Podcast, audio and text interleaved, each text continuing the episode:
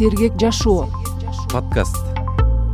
Сергек жашоо подкастына кош келиңиз. Аты жөнүм санжи туйтунова бүгүн биз туз жана туздуу тамактын ден соолукка таасири тууралуу сүйлөшөбүз. Коногубуз бишкек шаарынын санитардык эпидемиологиялык көзөмөлдөө борборунун тамак аш бөлүмүнүн дарыгери майрамбүбү иманкулова болмокчу. Подкастта сиз туз тууралуу маалыматтарды угасыз айрымдары сиз үчүн жаңылык дагы болушу мүмкүн. Биз менен аягына чейин болуңуз. Майрамби айым саламаттык сактоо министрлигинин маалыматында туздуу тамакты көп жегендер инсульт жүрөк кан тамыр жана онкологиялык дарттарына көп чалдыгат экен. Мунун чын бышыгын өз оозуңуздан уксак. Оорулар өтө көп болуп атат. Жугуштуу эмес оору деп бөлүнгөн. Бир оору бизде ушундай бөлүнүп калган азырчы жана жүрөк оорулары онкология оорулары өпкө оорулары анан тамыр оорулары атеросклероз ушулардын баардыгы биригип группага бөлүнгөн да. Бул да бекер эмес. Жугуштуу эмес оорулардын зыяны өтө эле көп болуп атат. Өкмөткө тийгизген зыяны да көп болуп атат.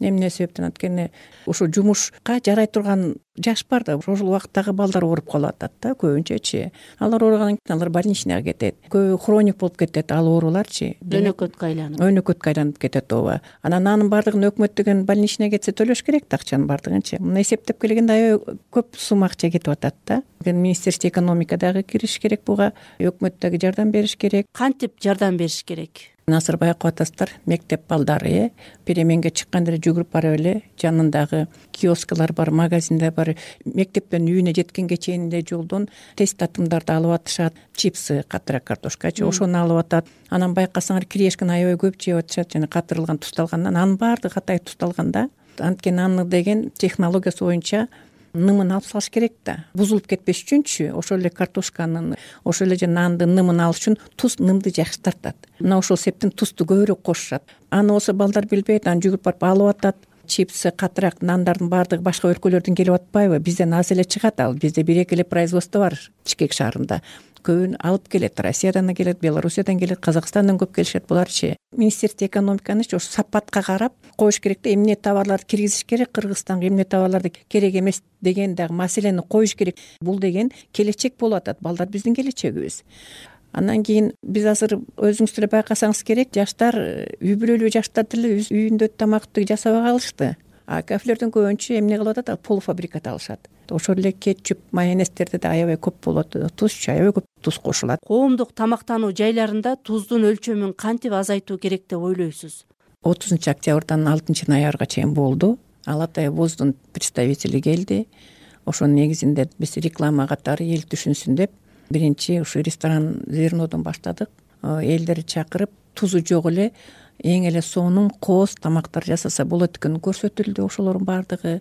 Рахмат аларга жардам беришти ошо поварларычы туздун ордуна жанагы эмелерди эле кошсо болот чөп заттарды эле кошсо болот. Ошол эле чөптү кургатылган чөптү алып толтура укроп бар сельдерей бар райхон деп коебуз го ошолордун баарында эле туз деле бар аларда делечи ошол эле маалда тамактын даамын чыгарат да ошондой нерселерди көбүрөөк кошсо болот да. Ошолор менен эле кошуп эле тамак жасаса болот. Адамдын аң сезимин тез эле которо албайсың. Ал деген жылдап жүрө турган иштер буларчы бирок жылдап жүргөнгө дагы кичинекей кадам менен болсо да бара атабыз бул ишти аткарыш үчүнчү. Ресторан кафелерде алар менен иштеп семинар өткөрүп жооптуу кишилер менен иштеп алар менен жок дегенде тузду алып салгыла столдон.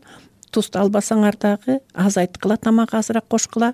Анан кийин жанагы калфетница коюп атпайбы? Вот кол арчуучу. Ошонун капталына жазып койгула деп атабыз тузду астан колдонгула өзүңөрдүн ден соолугуңарды абайлагыла деп ошондой рекламаларды дагы берип атабыз да. Бул деле аз эмес бул көп убакыт керек да. Азыр алып эле тарелкага сала коюп бере койгон эмес да бул иштин баардыгычы эң негизи мен ойлойм бул деген иш жүргүзүш керек да. Реклама эме деген ошолорду жүргүзүш керек. түшүндүрүү түшүндүрүү агартуу иштер жүргүзүш керек да. Саламаттык сактоо министрлигинин маалыматында айтылгандай кыргызстандагы оорулардын жана өлүмдүн сексен пайызы жүрөк кан тамыр дем алуу органдарынын илдеттерине онкология жана инсультка туура келет экен бул ооруларга кандайдыр бир деңгээлде туздуу азыктар да себеп болоору жазылыптыр. Мунун чын бышыгын өз оозуңуздан уксак. Жанагындай туз деп айтууга болбойт. Бул жака кант да кирип атат анан жана майлуу тамак аштар кирип атат. Азияда кыргызстанда биз өзүбүз жакшы көрөт эмеспизби майлуу тузтуу анан кийин кыргыздар эмне кылат? Ыштап кой анан жанагы сүрсүтүп кой дейт. Ал жөн эле өзү сүрсүбөйт. Ага туз кошот аябай жакшынакай кылып турупчу мына ошолордун баардыгын ооруларга алып келип атат. Бул бир жылдык оору эмес эки жылдык оору эмес. Бул канча жылдан бери келген өнөкөт оору болуп калды да. Ооба туздун ролу аз эмес. Көп эле жакшы эле роль берет. Кандайча зыян келтирет? Организмге баргандан кийин туздар деген сууну кармап калат да. Организмде суу бар да. Ал сууну кармап калат да чыгарбай коет сырткачы. Мисалы тердеп иштегенде бирдеме чыгат го жөн эле мындай эле көз жаш менен эле чыгат басып баратсаң да дем алуу менен эле чыгат буу менен эле чыга берет. А бул кармап калат. Тузчу кармап калгандан кийин ал деген организмде суусундук көбөйө баштайт да көлөмү көбөйүп келип туруп ал деген кан тамырларды чыңалта баштайт да. Чыңалгандан кийин ал деген келип туруп эмнеге? Жүрөккө. Оорчулук берет да жүрөккө. Анан барып мээге барат. Мээде да канча процент суу бар да. Ошолордун баардыгы мына алып келгенде көп эле зыяны келет. Бөйрөккө дагы барат ал. Таш ооруну пайда кылат. Анан бөйрөктөн сууду жаман чыгарып калат. Нефрит нефроз деген оорулар алып келет. Э, эң оор э, инсульт болушат.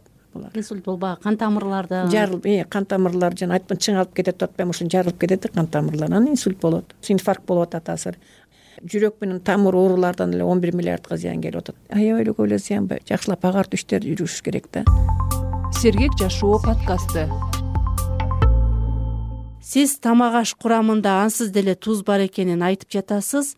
Андай болсо тамакка туз кошпой деле жеген туурадыр эң эң көп жаныбарлардын этинде бар. Балык болобу жумуртка болобу беш граммга чейин бар. Бул эттин өзүндө беш миллиграмм эми бар туз бар. Туздубай койсо деле сонун болот. Ошого эле жанагы чеснокту кошуңуз ошол эле жана райхонду кошуңуз укропту кошуп туруп эле анан кийин жакшынакай кылып туруп бир күн кармап морозильникке эмес холодильниккечи анан сиңет чөптөрдүн дамдарычы анан салып коюп чалып койсо эле сонун эле болот. Сельдерейдин тамырын майдаласа сууду чыгарат организмден. Сельдерейдики аябай жакшы чыгарат да.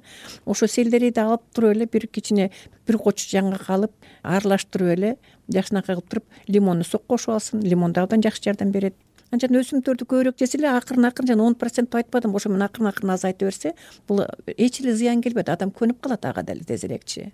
Бизде көп кожойкелер жашылчаны туздап кышка салат жабат эмеспи. Аларга кандай кеңеш бересиз? Социалдык экономикалык суроолорго да кирип кетет булар. Ошон үчүн аялдар арзаныраак болсун деп кышында жазга чейин эптеп чыгалык деп казан казан жер жемиштерди кууруп салып консервация кылгандар көп эле айылдарда консервацияда эчтеке деле калбай калат. Эчтеке калбай калат. Витаминдер калбайт. Аны деген сексен градуска жүз градуска кайнатып атышат. Жарым саат кырк мүнөт кайнатат каяктагы витамин микроэлементтер калса аз аз эле калат. Болду эчтеке жок. Жөн эле клетчатканы алышат. Адамчы клетчатка. Жыттары даамдары жакшы. Анткени чөптөр аромат чөптөр көп кошулуп атат ботулизм деген бар уулануу кечээ жакында эле бизден бирөө өлүп калды ботулизмден. Мен өзүм барып келдим бир үй бүлө алты киши больницага жатып калды үч баласы үйүндө калды. Ботулизм деген өтө оор. Оору а бул именно консервацияда өзгөчө үйдө жасалган консервацияда болот да. Консервация кылбай деле койсо болот. Биздин өндүрүштөн чыккан туздардын курамы кандай? Мисалы туз йод менен байытылышы керек деген талап бар да ал сакталып жатабы? Ушул он айдын ичинде тамак аш жайларынан болобу же дүкөндөрдөн болобу жүз элүү тогуз образец алып турбуз. Йод аз болгон жок баары нормада йоду мурдараак кыйын болчу мындан үч жыл төрт жыл мурда аябай да. Ишкерлер үйрөндү йодду тузда кантип туура сактап калыш керек экенинчи украина беларустун туздары аябай жакшы болчу йодучу биздики аз болчу да. Кадыресе он бештен түшүп калчу азыр болсо жок азыр жыйырма беш э, отузга чейин барып атат нормасында эле кантип сактаса болот. Жанагы кургак болсо туз йод жакшы сакталат үйгө деген йодду сакташ үчүн. Кичинекей кичинекей упаковкаларды алса болот эле да. Анткени йод аба киргенде ал йод да бузула баштайт учуп кетет да. Ошон үчүн бекем оозун бекем жабыш керек кайра. Астан эле алган жакшы болот да. Анан нымы жок жерге сакташ керек кургак болуп туруш керек. Исаак конович акунбаев биринчи ошо киши раматылык. Аябай изилдеп аягында адамдын көп колдонгону байкап турду. Ошондо кыргыздар тузду баары бир көп колдоно ушул кишинин эмгеги да тузду йоддош дегенчи анда туз казакстандан келчү аралдан келчү туз казакстан менен сүйлөшүп атып йоддош керек деп атып казактар да кыргыздардын да алайын сактап калган өмүрүнчү. Сиз келердин астында окурмандарга туз жөнүндө сурамжылоо кылдык эле көбү курутту көп жешерин. Мунун себебин сурашкан экен? Сиздин жообуңуз кандай адам өзүнүн организмин укканды билиш керек. Жакшылап адам көңүл буруп өзүнө көңүл бурса организмчи организм өзү эле сурай баштайт мен мен ойлойм бул жерде туздалган курут эмес мына жөн эле курут жегиси келип атат. Мен бул кызга айтат элем сөзсүз эмеге врачка барыңыз анализ бериңиз. Микроэлементке. Кальцийиңиз кандай экен натрииңиз кандай экен э, магний барбы булар баардыгы бири бири менен взаимосвязанный да. Ошого барып берсеңиз количественный качественный эмес количественный анализ кылып бериңиз канча бар экен канча норма болот и канча сизде организмиңизде эмне жетпей жатат. Ошону айткандан кийин ошого карата анан кийин барып туруп тамак аштан жесеңиз болот да. Ошол эле куруту үйдөн эле жасасаңар болот. Өзүңөр эле жакшынакай кылып туручу чөп чарды кошуп элечи соп кылып эле. Туздалган жашылчалардын пайдасы барбы? Кимдер аны жегенге болбойт деп бирөө суроо бериптир? Ой көп туздалганды баарын эле жегенге болбойт. Наркотик катары бул деле туз делечи анан ошон үчүн жегиси келет. Адам көнүп баштайт да тузсуз отура албай калат да. Ошон үчүн аны эме кылганга жана э, алып туруп эле бадыраңды же сабиз болобу ошону жана чөп чарлар менен чеснок кошуңуз райхон кошуңуз кичине лимонный сок кошуп коюңуз э, петрушка сельдерей кошуп коюп туруп коюп коюңуз асыр жасаңыз үч төрт сааттан кийин жей бериңиз. Азыр жанагы жашылча жемиштерди мисалы тоңдуруп койгон ыкмачык анан же кургатып алып анан кошкон. Туздаганга караганда ошолор пайдалуу. ооба пайдалуу аябай пайдалуу. Анткени кургатылганда микроэлементтер э, жүз процент сакталат да. Анан жана суусу кетип калат а микроэлементтер наоборот көбөйө баштайт да баягы кургатылгандачы. А тоңдурулгандын пайдасы эмне тоңдурганда лучше шоковый заморозка кылыш керек да. Шоковый деген жана силер ноль ноль градуска салбагыла. Морозильниктер бар да. Минус он бешке койсоң морозильниктичи анан салып койсо ошону шок шок деген ал сразу эле муздакка кирди деген да. Постепенно муздаган жок. Дүкөндөрдө деңиз тузу да сатылат эмеспи. Ал кадимки тузга караганда пайдалуу деген маалымат чынбы же реклама үчүн эле айтылган сөзбү деңиз тузу пайда эмне себептен анткени деңизде ошол эле балдырлар бар ошол эле балыктар бар өсүмдүктөр бар. Ошолордун микроэлементтери жанагычы керектүү витаминдери өтөт тиги тузга делечи суу коюп атпайбы. Ошол себептен аларда жана микроэлементтер көбүрөөк болуп эсептелет да. Ошон үчүн алар пайдалуу дегени ошол себеп. Сергек жашоо. Подкаст. Күнүмдүк жеген тузубуздун өлчөмү канча болуш керек? Беш грамм. Беш граммга чейин бул бир чай кашык. Ооба бир чай кашык. Возрастына карата тогуз айга чейин вообще тузду кошпош керек балдарга. Тамак ашына да кошпойго аракеттениш керек тогуз айга чейин. Жети жашка чейинки балдар эки грамм андан кийин анан он төрт жашка чейин. А он төрт жаштан жогору уже беш граммга чейин можно. Такыр туз жебей койсочу. Такыр туз жебегенге болбойт. Мисалы бизде адамда токсон жүз элүү граммга чейин бар бизде организмде деги эле туз бар да натрий. Туздун составында алтымыш процент натрий бар да. Натрий деген наоборот гемоглобинди пайда кылат адамдын организмине баргандан кийин ал гемоглобиндин иштеп чыгышына жардам берет да. Адамда натрий жетишпей калганда жана эме болуп атпайсыңарбы булчуңдар тырышып калат судорога деп коет орусча айтчы булчуңдар тырышып көз тарта берет денеңдин бир жери тартыла берет ар кайсы жеричи бул деген натрий жетишпегенден. Натрий натрий и кальций жетишпегенден да. Туз эгерде аз болсо кан басымы түшүп кетет. Гипотоник деп коет да гипотония болуп кетет. Көп болсо кичине гипертония болуп атпайбы жогорулап. Резко түшүрбөш керек. Бир жылдын ичинде акырындан он проценттен он процентин акырындап эле айлап түшүрүп турса ошол пайда болот да. Акырындап азайт дегенде кандай? Мен жана айтпаймынбы жер жемишти көбүрөөк кошуш керек. Ашканадагы дүкөндөрдөгү тамакка даам күчөтүүчү заттар да кошулганын жогоруда айта кеттиңиз бизде аларды киргизүүгө тыюу салуу боюнча демилге көтөрүлдү беле? Аны дал эле көтөрүп атабыз жана тамекини деле көтөргөндөй болду элечи киргизбегиле дегендейчи кока коланы деле киргизбегиле деп атабыз. Усилитель напитокторду молеклерди киргизбегиле деп атабыз. Биринчи адатта өзүбүздү ойлошубуз керек да. Менин ден соолугум өзүмө керек ден соолугум менин үй бүлөмө керек менин бала бакырама керек депчи. Ошол себептен этияттык менен мамиле кылыш керек да. Сенин тарелкаңда эмне бар эч ким билбейт врач билбейт. Сенин тарелкаңда эмне бар сен эмнени жеп атасың. Сен бүгүн базарга барып эмнени алдың депчи.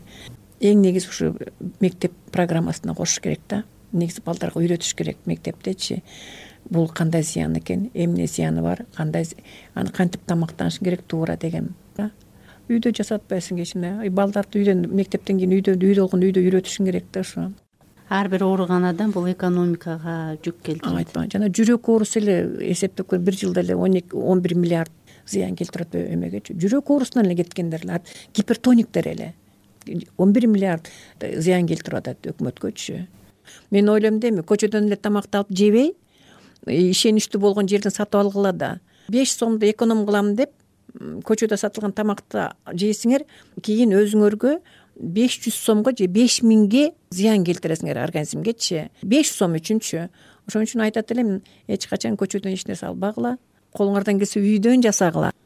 Бизнес кылган киши баары бизнес кылган киши. Ал акча табыш керек ошон үчүн алар деген даамдуу болуш үчүн жана айтып кетпедимби эттин өзүндө эле беш грамм жүз граммдай туз бар депчи. Жок ага да келип туруп тузду кошот анан кийин жанагы кубиктерди көп кошуп атат. Колдон кармап албасаң эчтеке кылбайсың да даярдап койгондон кийинчи. Мен деги эле айтат элем фаст фудту жей эле койгула тесттүү тестатымды же вообще жебей эле коюшса болот эле да. Тесттүү таттын пайдасынан зыяны көп болуп атат.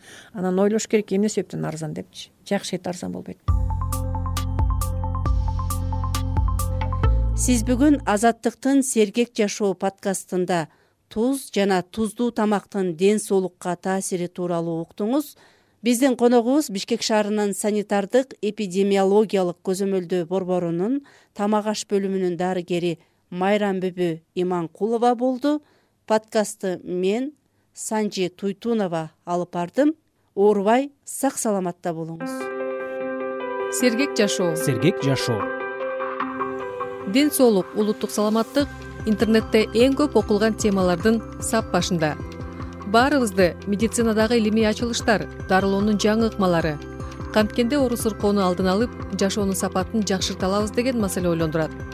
Дал ушул темаларды азаттыктын сергек жашоо подкастынан уга аласыз. Подкастты apple google spotify аянтчаларынан жана азаттык чекит орг сайтынан табасыз. Сергек жашоо